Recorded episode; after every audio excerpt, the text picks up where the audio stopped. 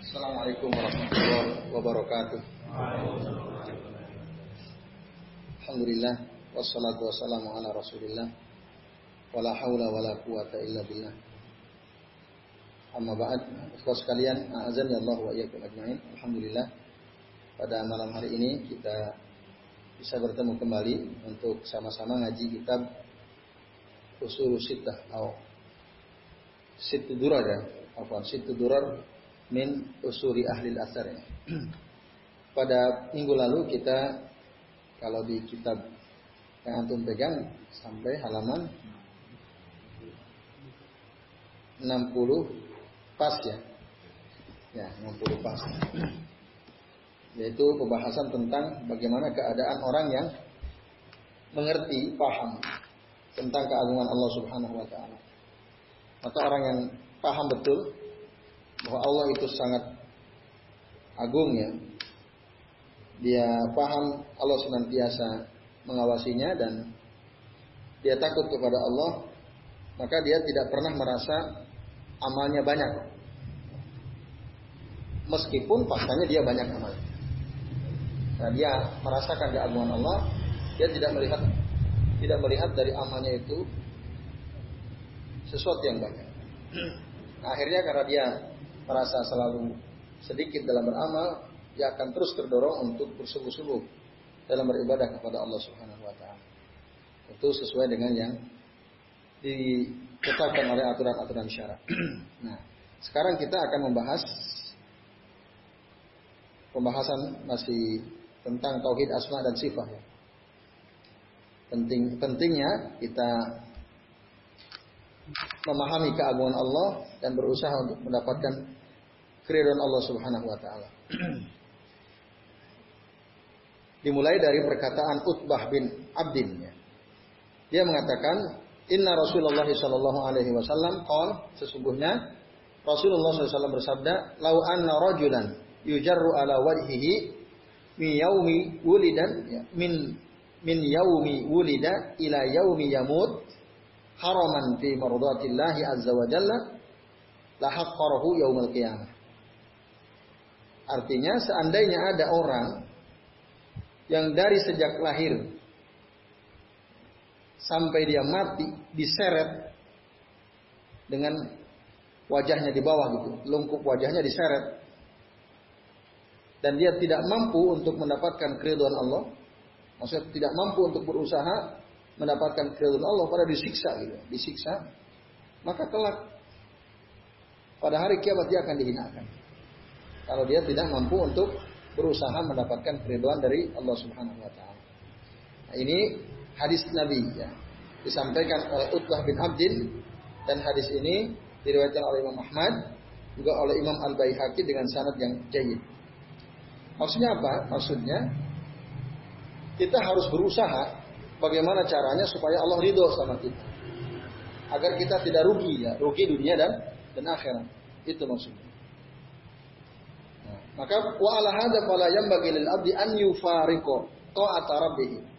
Berdasarkan hadis di atas, maka seorang hamba tidak sepantasnya dia meninggalkan ketaatan kepada Allah, kepada Tuhannya. Atau dia tidak bersyukur kepada Tuhannya. Lalu dia merasa aman dari azab Allah karena dia mendapatkan nikmat dari Allah Subhanahu wa taala. Dengan menyangka bahwa Allah ridho dari amal dia yang sedikit itu, dari ketaatan dia yang sedikit itu. Jadi tidak pantas kalau kita tidak taat. Jadi kita harus taat terus dan bersyukur terus kepada Allah dan jangan pernah merasa aman dari azab Allah, dari kesyirikan, termasuk dari penyimpangan. Kita harus senantiasa waspada karena para nabi dulu, termasuk Nabi Ibrahim alaihissalam, senantiasa berdoa kepada Allah. Padahal tidak ada yang meragukan keimanan Ibrahim. Nah, di mana beliau pernah berdoa, ya Allah, jauhkan aku dan anak-anakku dari mensekutukan engkau. Itu di antara isi doa Nabi Ibrahim. Padahal beliau seorang Nabi dan Rasul utusan Allah. Bahkan Abu Tauhid ya bapaknya Tauhid, tapi di antara doanya beliau khawatir jangan-jangan beliau terjerumus kepada kesyirikan atau anak-anak keturunan, maka beliau berdoa. Nah itu. Jadi kita sebanyak apa pun amal kita, sesoleh apa pun kita menurut orang lain, atau bahkan mungkin menurut diri kita sendiri, jangan ngerasa aman. Bisa jadi nanti Allah apa simpangkan kita ya. Karena kita merasa aman, lalu kemudian Allah balikan hati kita. Karena inna qulubal ibad baina usbu'aini min asabi'ir rahman. Sesungguhnya hati setiap hamba itu ada di antara dua jari dari jari jemari Allah. Kalau Allah balik ya, maka berubah. Ada banyak contoh gitu ya. Orang baik, orang soleh, antum kenal Harun Yahya. Tahu nasibnya sekarang. Ngeri kan? Kehidupannya glamor sekarang. Dengan wanita-wanita. Padahal dulu kan dia banyak nulis ya. Ilmu-ilmu sains dari Al-Quran. Sekarang hancur. Itu contoh. Kalau dulu lagi ada Barsiswa namanya. Diceritakan dalam kitab Majalis Susaniyah. Bisarhi Al-Hadis uh, Al-Arba'in An-Nawawiyah. Dulu orang soleh. Orang kagum. Muridnya banyak. Tapi dia merasa aman. Merasa aman dirinya dari adab Allah. Merasa aman dari kesesatan. Akhirnya justru tersesat. Mati dalam keadaan syirik. Bersujud di, di, di depan iblis.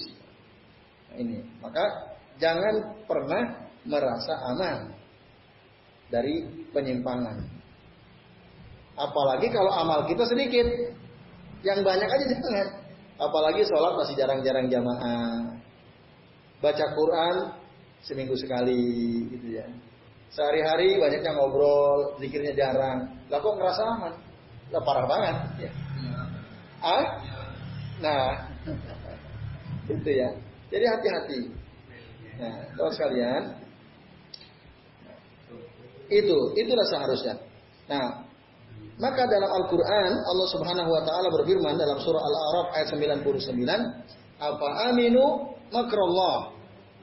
Apakah mereka merasa aman dari makar Allah?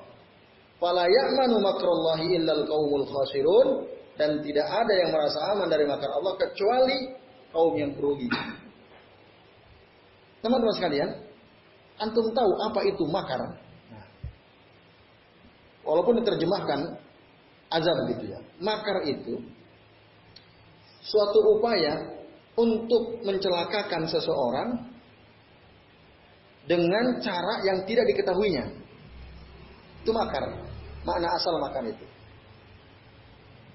Misalnya Mas Ian kesel sama Mas Yoyo. Lalu berbuat makar mau berencana menyakiti Mas Yoyo, tapi dengan cara yang Mas Yoyo tidak sadar. Tahu-tahu, oh, celaka misalnya. Tahu-tahu gitu ya. Misalnya ditaruh bom waktu di bawah motornya Mas Yoyo. Gak tahu tuh. Nah, tinggal mencet aja dari handphone itu ya. Juara hancur. Kan nggak tahu. Itulah makar. Gitu ya. Atau dia bisa jadi nyawa orang pembunuh bayaran gitu ya. Seakan-akan kejar-kejaran gitu di jalanan. Dia si pembunuh ini ngerasa kesenggol sama kita. Tahu-tahu kita dibacokin sama dia sampai mati. Padahal itu suruhan. Orang yang benci sama kita itu makar. Tanpa diketahui, tahu-tahu hancur aja. Nah, Allah juga begitu.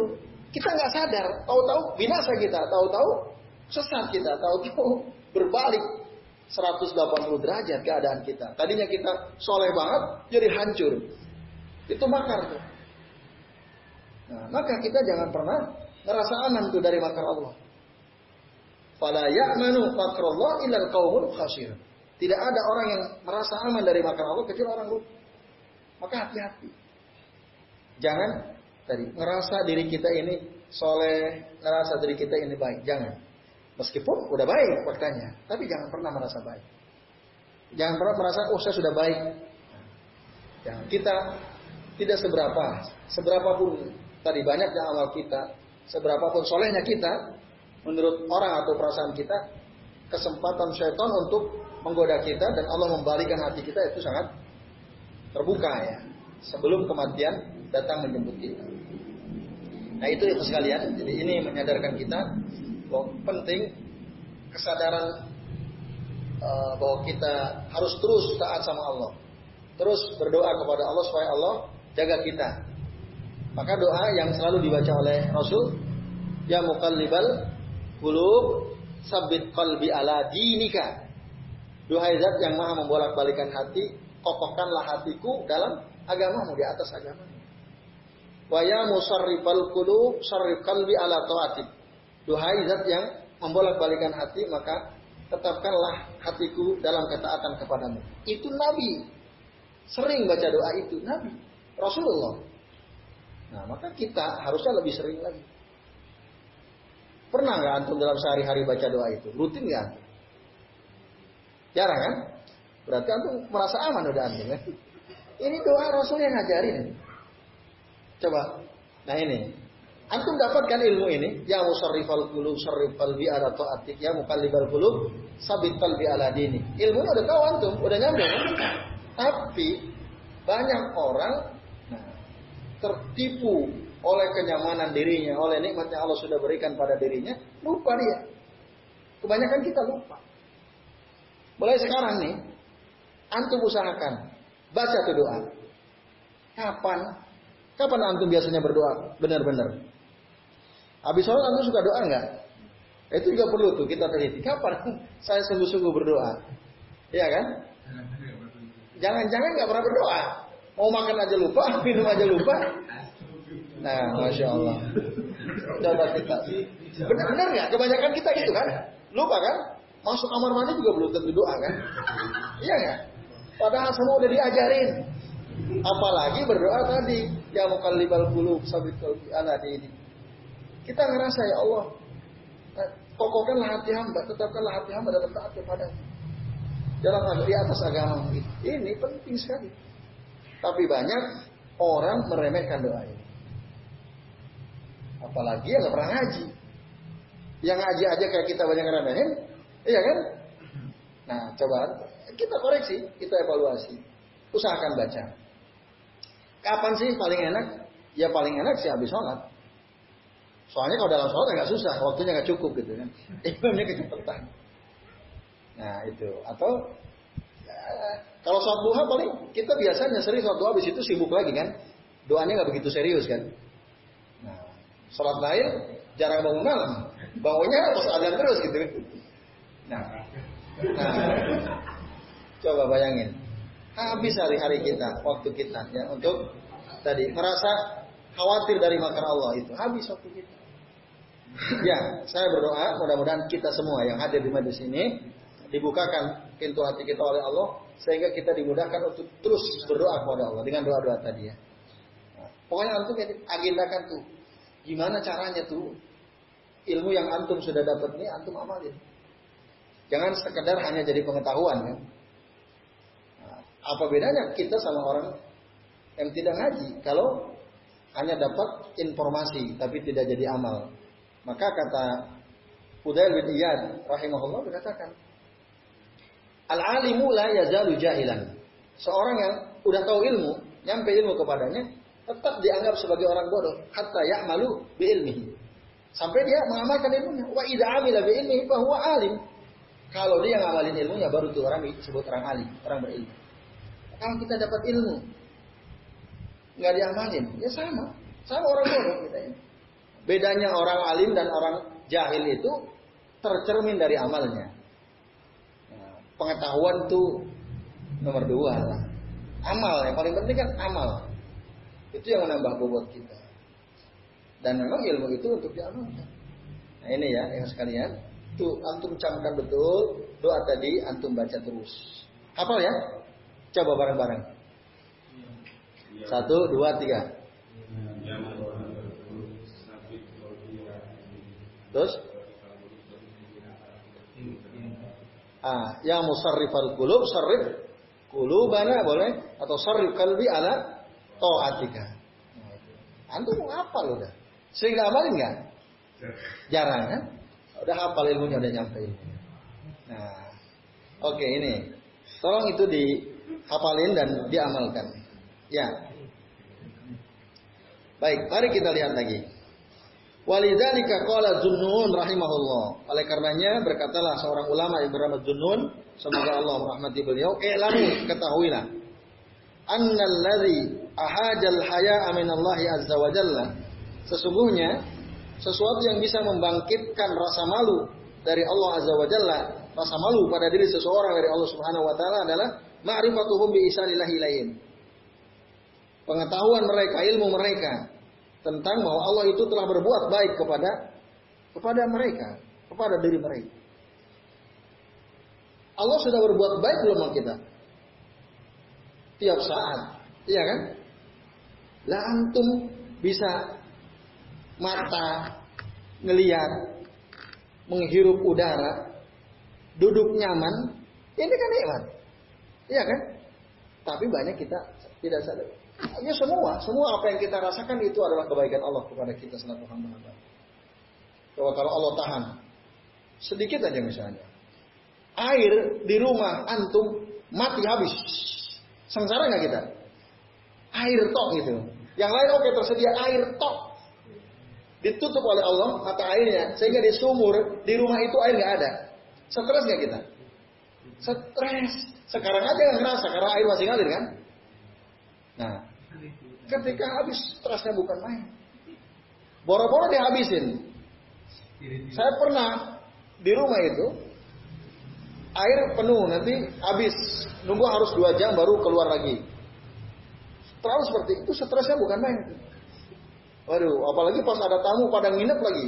Ada delapan orang, wah stres lagi. ya Rom, itu ya. Nah sekarang kita anggap itu biasa kan? Kita nggak ngerasa bahwa itu kebaikan Allah kan? Kita nggak ngerasa. Nah, ya itu terus kalian. Jadi yang bisa membangkitkan rasa malu kita kepada Allah adalah saat kita tahu persis tahu betul Allah itu sangat baik pada kita. Kebaikan Allah itu sangat banyak yang Allah berikan kepada kita.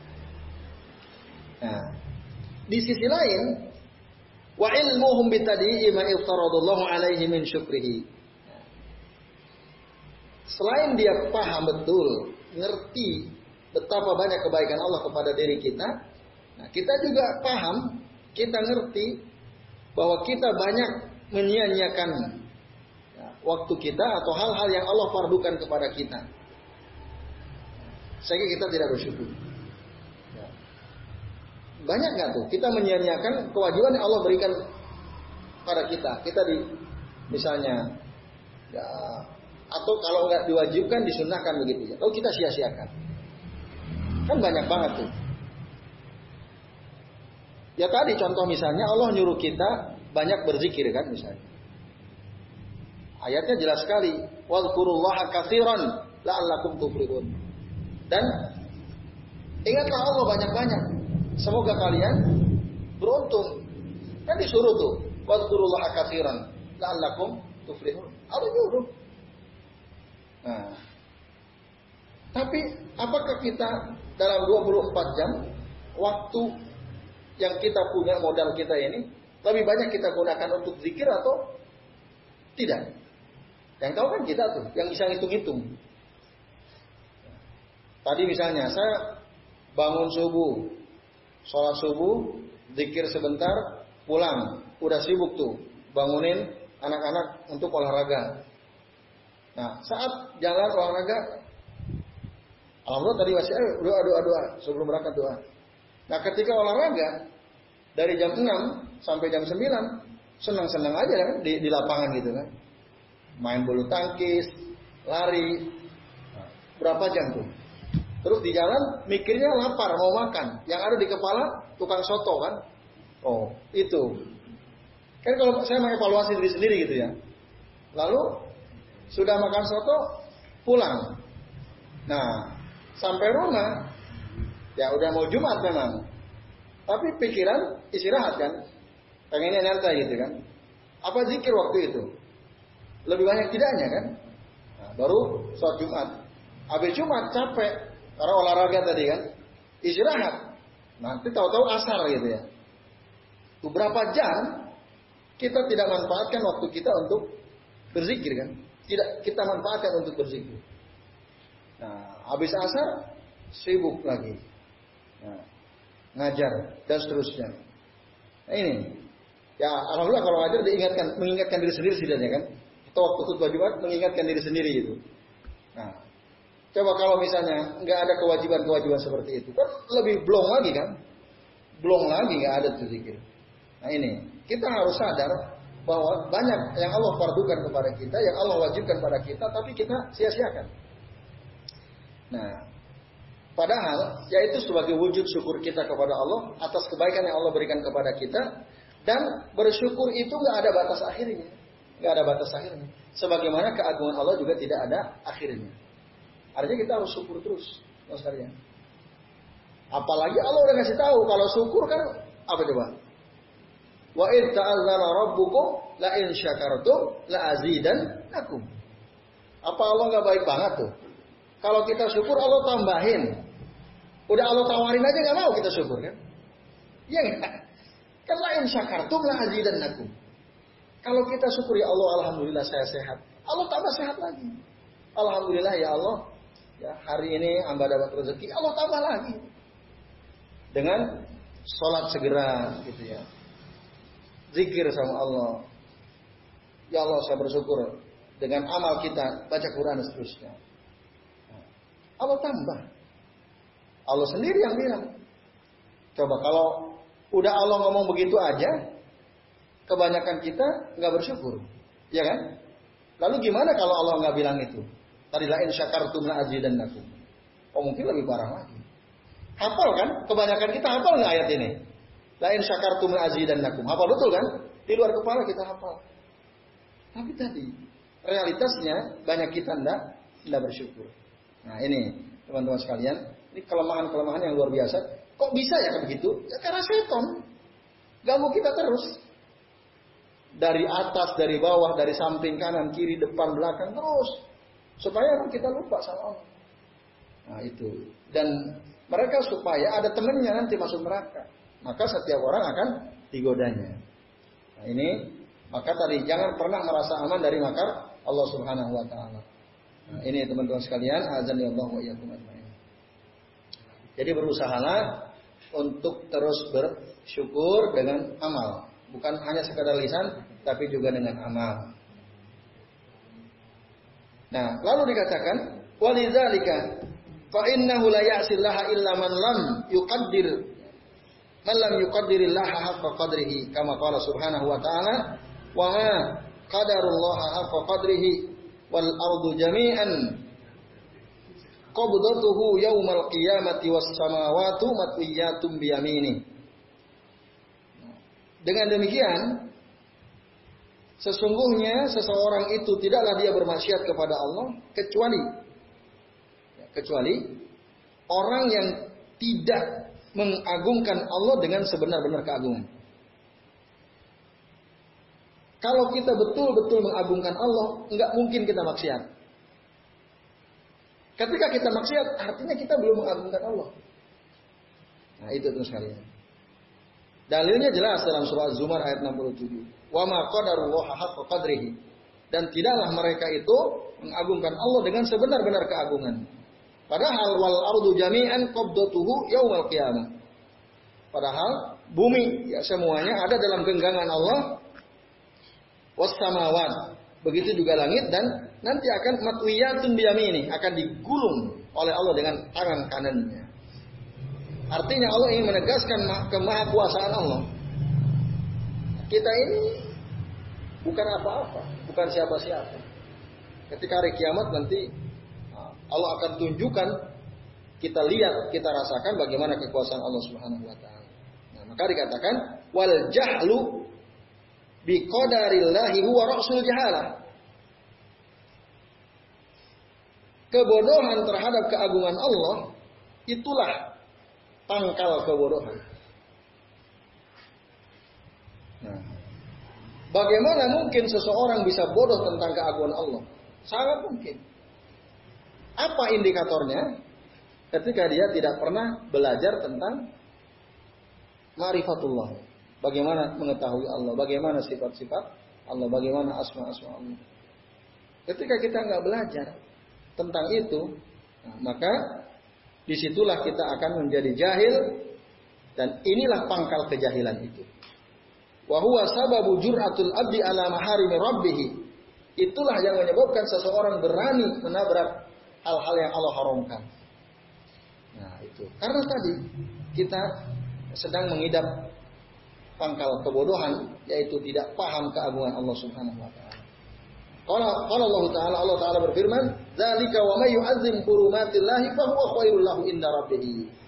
Yang demikian itu barang siapa yang mengagungkan perkara-perkara yang dilarang oleh Allah, maka itu lebih baik baginya di sisi Tuhannya. Al-Hajj ayat 30. Kemudian Allah Ta'ala berfirman, Innama taubatu ala Allahi lilladzina ya'maluna su'a bijahalatin. Sesungguhnya taubat itu, taubat kepada Allah itu hanya berlaku bagi orang-orang yang berbuat buruk, berbuat jelek karena kebodohan. Apa relevansi ayat ini dengan kalimat sebelumnya? Nah, Malik Al-Jazairi, Ramdhani Al-Jazairi itu tegaskan bahwa karena kebodohan itulah kita berbuat jelek, berbuat maksiat. Itu maksudnya. Maka ketika ada orang berbuat maksiat, itu indikator bahwa dia itu bodoh. Orang jahil itu, soal jahala. Pangkal ada dia pada dirinya ada pangkal kebodohan karena tidak tahu keagungan Allah Subhanahu wa taala. Fa'an Abi Al-Aliyah annahu kana yuhaddisu anna ashab Rasulullah sallallahu kanu yaqulun kullu zambin asabahu abdun fahuwa bijahalatin. Kata Abu Al-Aliyah, sesungguhnya para sahabat Nabi mereka berbicara. Jadi Abu Al-Aliyah menceritakan bahwa para sahabat Nabi SAW mereka pada umumnya mengatakan kullu dzambin asabahu abdun setiap perbuatan dosa yang dilakukan oleh seorang hamba fahuwa bijahalatin. Karena kebodohan. Gitu. Jadi semakin banyak orang berbuat dosa, semakin bodoh. Semakin bodoh. Oh kan gelarnya udah profesor dokter, kata bodoh. Ya. Jadi bukan diukur dari gelar, tapi bagaimana ah, dari jauh atau dekatnya kemaksiatan dia dengan eh, seseorang dengan eh, kemaksiatan itu. Jadi jangan kagum ya sama orang yang sudah bergelar berderet tapi nah, kemaksiatannya terus jalan, dosa-dosanya berjalan, berani uh, meremehkan syariat Islam dan seterusnya. Ini ikhlas kalian, itulah hakikat ya seseorang berilmu atau jahil. Wa kadzalika sahaan Qatadah wa dzakara anna ashab Rasulillah sallallahu alaihi wasallam ijtama'u ala dzalika. Demikian juga telah sahih ada informasi dari Qatadah bahwa beliau menyebutkan bahwasanya para sahabat Rasul itu bersepakat atas hal yang disebutkan di atas tadi. Kullu dzambin asaba ya asabahu abdun fahuwa bijahalatin. Itu semua sahabat Rasul sepakat itu. Itu. Wa hadza min fikhi as-sahabati ridwanullahi alaihim. Ini adalah merupakan gambaran dari kefakihan para sahabat Semoga Allah meridhai mereka semua. Fi kitabillahi azza wa jalla kepakihan mereka, kepahaman mereka terhadap kitab Allah. Dan sebagai gambaran dari pengetahuan mereka tentang apa? Binafsil insan, tentang jiwa manusia. Wa malit tauhid min asarin baligin fi tazkiyatiha. Hatta qala as-sudi inda qaulillahi azza wa jalla au inda qaulillahi ta'ala innama taubatu 'ala Allahi lil ladzina ya'maluna su'a bi jahalatin madama ya'sillaha wa huwa jahil. Dan tidaklah bagi tauhid itu ada asar yang sangat kuat ya untuk membersihkannya.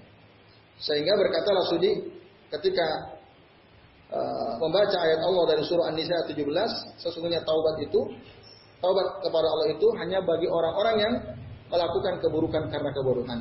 Lalu beliau katakan, madama ya'sillah selama hamba itu bermaksiat kepada Allah, bahwa jahilun, maka dia jahil. Ini penegasan dari apa yang sudah disebutkan di atas.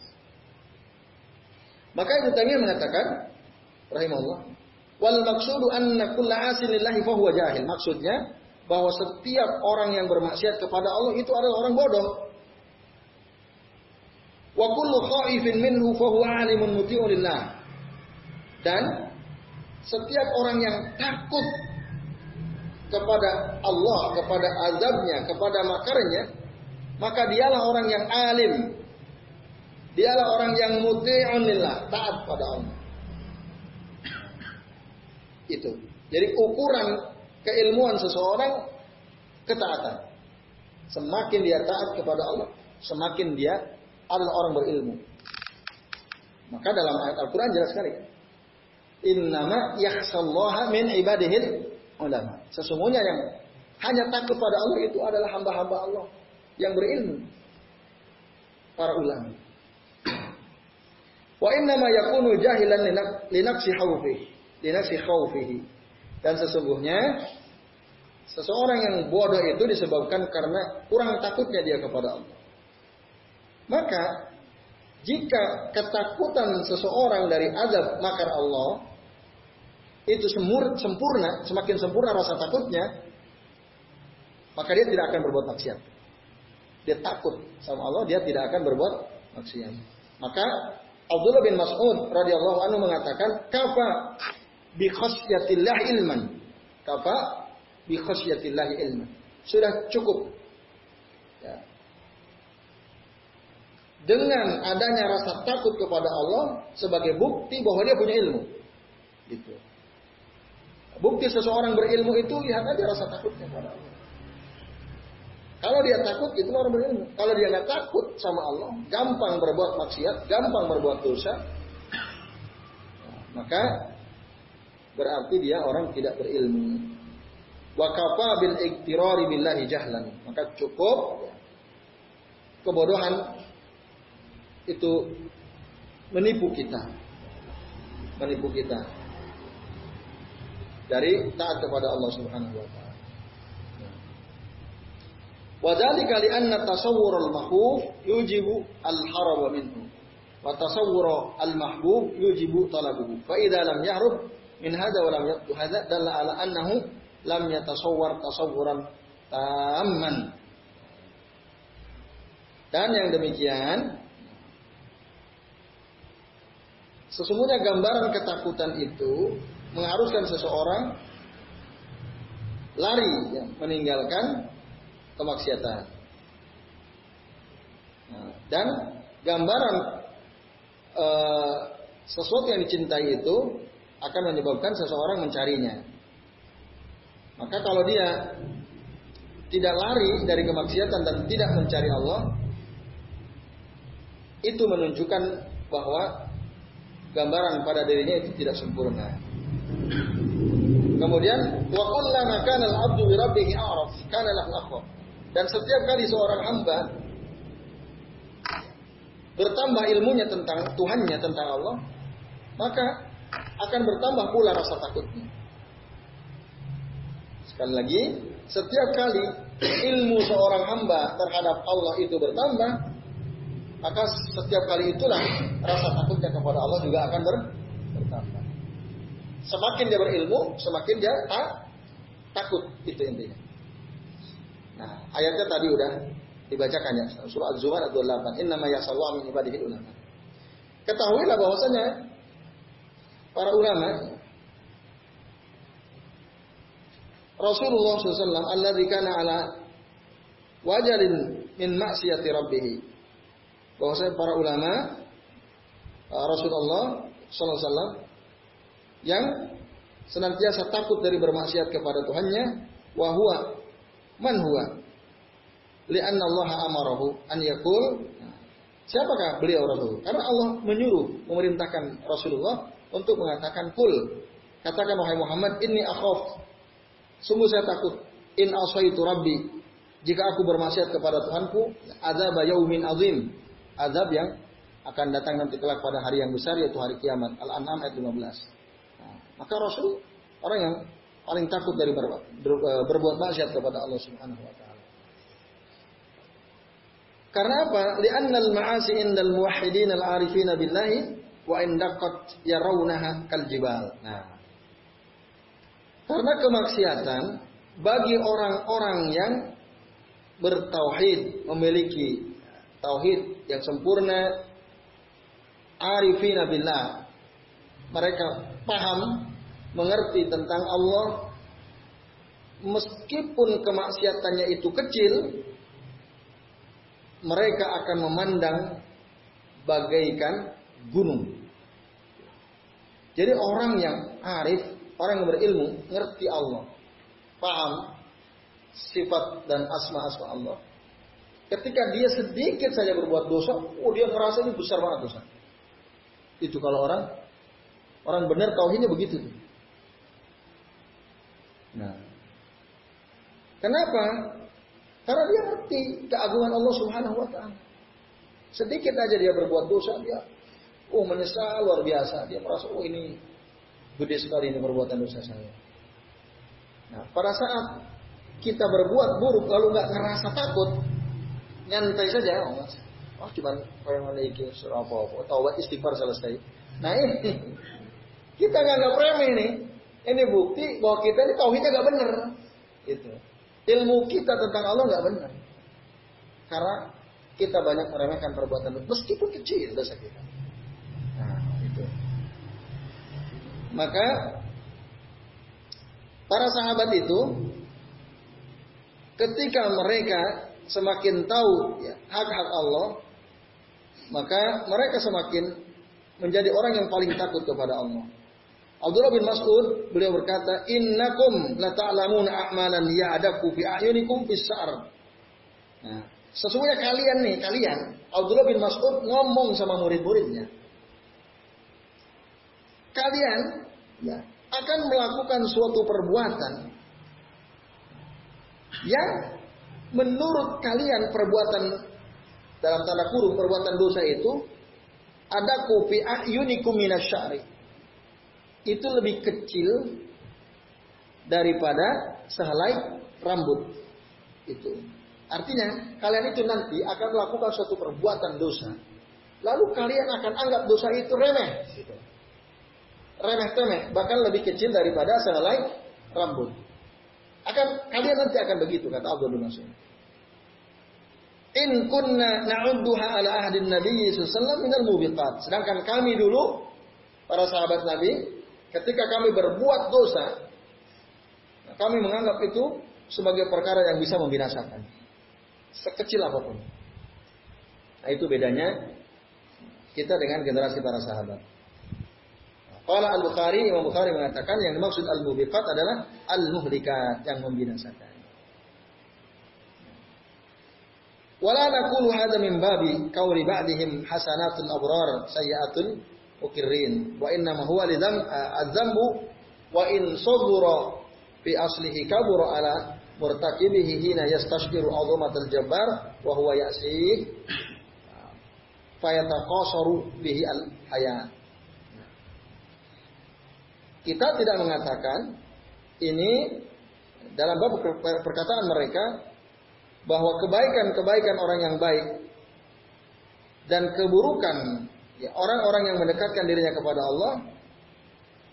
Nah, bagi mereka bahwasanya perbuatan dosa itu meskipun kecil, faktanya kecil, tapi besar bagi para pelakunya. Karena mereka ya saat itu merasa akan keagungan adanya keagungan Allah Jat yang maha Jabbar itu. Dan waktu itu dia bermaksiat kepada Allah. Nah, ini ikhwas kalian azan Allah ya Kemudian Al-Auza'i mengatakan, aku pernah mendengar Bilal bin Sa'ad, dia mengatakan, La tandur ila subril khati'ati walakin undur ila man asaita. Nah, ini rumusnya. Janganlah kamu melihat kepada kecilnya kesalahan yang kau lakukan. Jangan melihat kepada kecilnya kesalahan yang kau lakukan.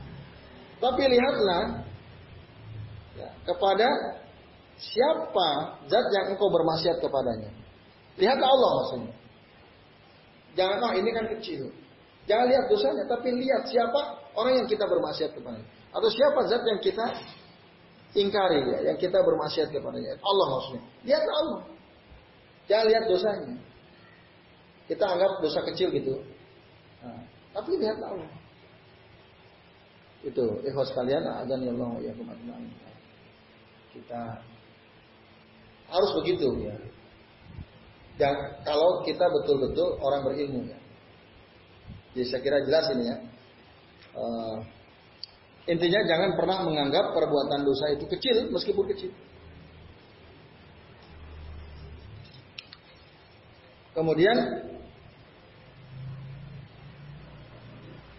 kau perhatikan al-athar allati tudriku sirru khauf al-qaumi min Allah taala. Ya.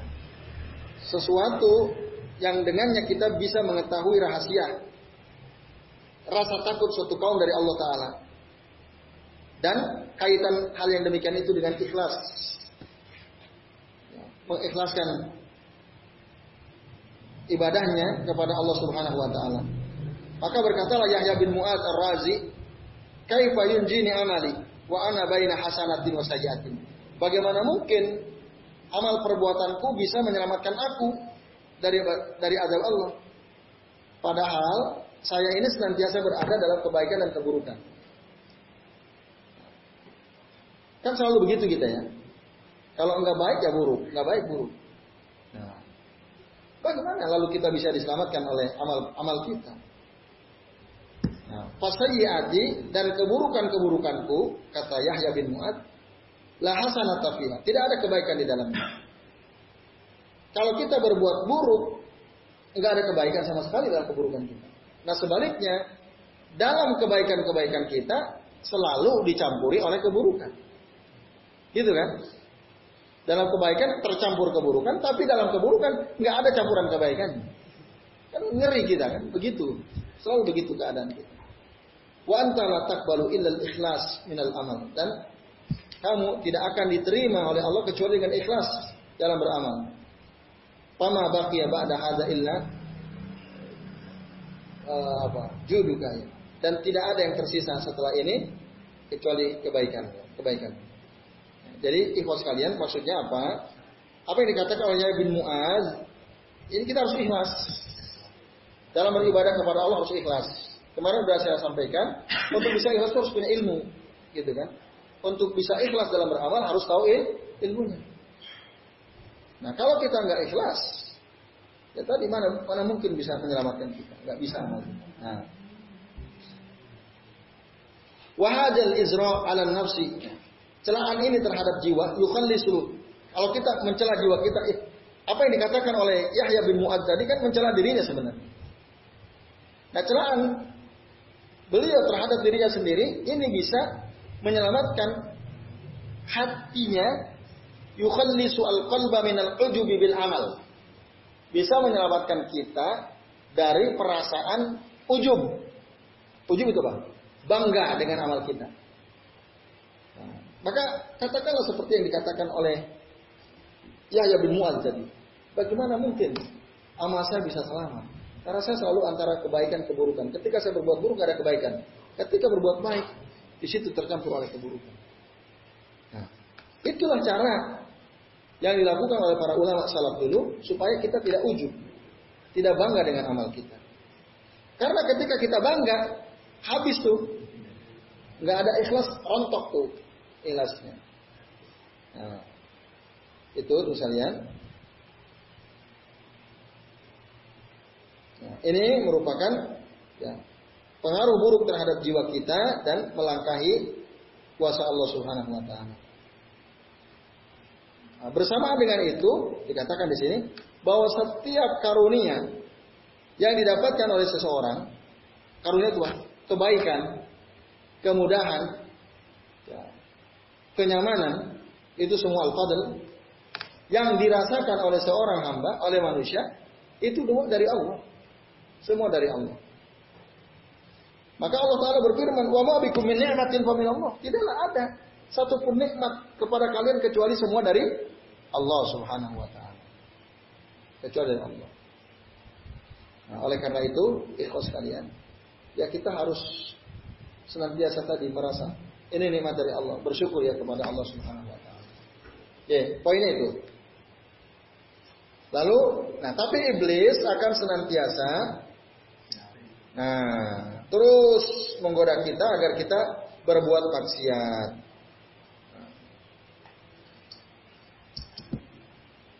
Agar uh, kita tidak beribadah kepada Allah. Kan gitu. Iblis akan selalu seperti itu. Wah ini udah jam 10. Sedikit lagi ya. Terakhir. Terus iblis akan menggoda kita. Sehingga akhirnya ada perasaan dalam jiwa kita, dalam hati kita. Ujub tadi. Karena iblis memuji-muji kita. Gitu kan. Terus kalau dia menggoda kita untuk berbuat maksiat gak berhasil. Disuruh bermaksiat mencuri nggak mau. Zina nggak mau korupsi nggak mau, apalagi gibah dia nggak mau. Semua godaan iblis untuk berbuat buruk mental semua. Nah, iblis sampai kepayahan, aduh, iya iya, orang iso-iso. Nah, dia cari cara lain. Maka strategi iblis itu kalau nggak berhasil jerumuskan kita dalam kemaksiatan, dia akan muji-muji kita. Itu strateginya. Nah, kan dikatakan di sini, dia akan tadi memuji memuji kita, menganggap wah kita ini orang baik, akhirnya kita ujub, kita ria, kita sum'ah. Terus seperti itu nah, sampai sisa-sisa akhir hidupnya. Bahaya tuh. Iblis itu begitu. Maka hati-hati ya kita kalau udah baik gitu ya, jangan pernah ngerasa kita baik. Ketika kita yuzaki, nuzaki nafsana, ya menganggap diri kita ini baik, iblis berhasil. Oh saya lebih baik dari dia, oh saya lebih pintar dari dia, oh saya lebih soleh dari dia. Hilang semua tuh, udah nggak ikhlas lagi. Nah ini, itu bahaya sekali. Nah di sini diceritakan cerita tentang Imam Ahmad. Kata Imam Ahmad, saat bapakku ya mau meninggal dunia, sedang sakaratul maut, aku duduk di samping bapakku.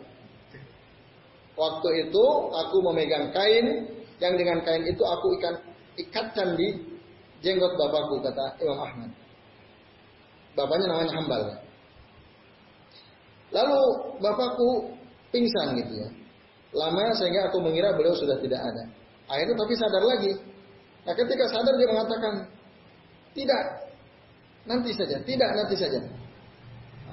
Dan bapakku mengatakan ini dua, satu, dua, tiga kali.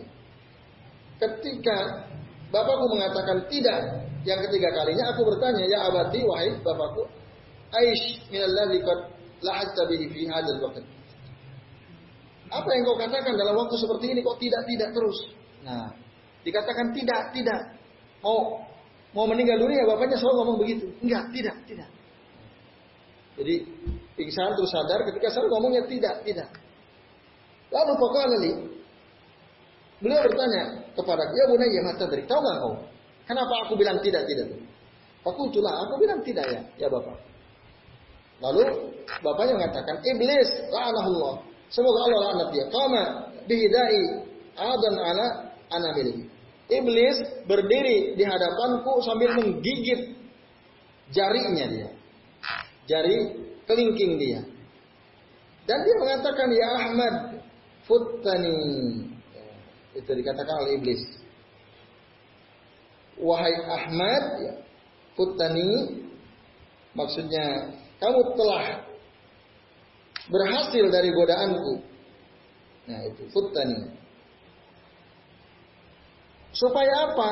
Supaya Imam Ahmad ngerasa ujub, gitu kan, ngerasa bangga. Waduh, kamu berhasil, luar biasa kamu Ahmad. Berhasil dari godaanku. Nah, nanti lama-lama oh, siapa dulu Ahmad. Nah, ketika dia siapa dulu? Aku Ahmad, kamu gak ada apa-apa iblis gitu ya. Oh, mulai itu. Nah, padahal ini itu yang ah, menyerah itu, tanda menyerah ya. Nah, itu. Nah, maka Wa ana aku maka aku katakan tidak. Ya. hatta amut sampai nanti aku mati. Nah, artinya emang orang nggak mau juga digoda dengan oleh iblis supaya ujub tadi. Ini cerita ini diceritakan oleh Abu Nuaim dalam kitab Hilyatul Aulia atau Imam Al Baihaqi dalam kitab Su'abul Iman juga oleh Imam Ibnu Al Jauzi dalam kitab Manaqib Imam Ahmad dengan sanad yang bagus yang jayid. Nah baik sekalian ini ya sampai sini dulu karena tidak terasa sudah satu jam kurang lebih. Ya sebenarnya ini tinggal sedikit lagi tapi nanti saja kita lanjutkan. Oke, sementara ini jadi poin pentingnya tadi jangan merasa kita ini udah baik. Ya. Kalau kita udah berhasil melawan godaan-godaan iblis, ingat iblis masih punya strategi. Memuji-muji kita, mengagung-agungkan kita, sampai akhirnya kita ngerasa oh baik. Saat itulah kita udah nggak ikhlas, semua amal kita jadi rontok. Jadi ini teman-teman sekalian, jadi sampai halaman berapa berarti? 67 ya. 67.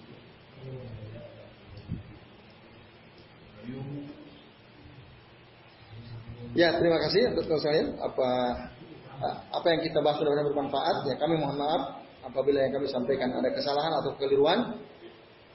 Saya akhiri sebelum waktu saya kembalikan ke Mas Abdul saya akhiri billahi taufiq hidayah wassalamualaikum warahmatullahi wabarakatuh. Waalaikumsalam.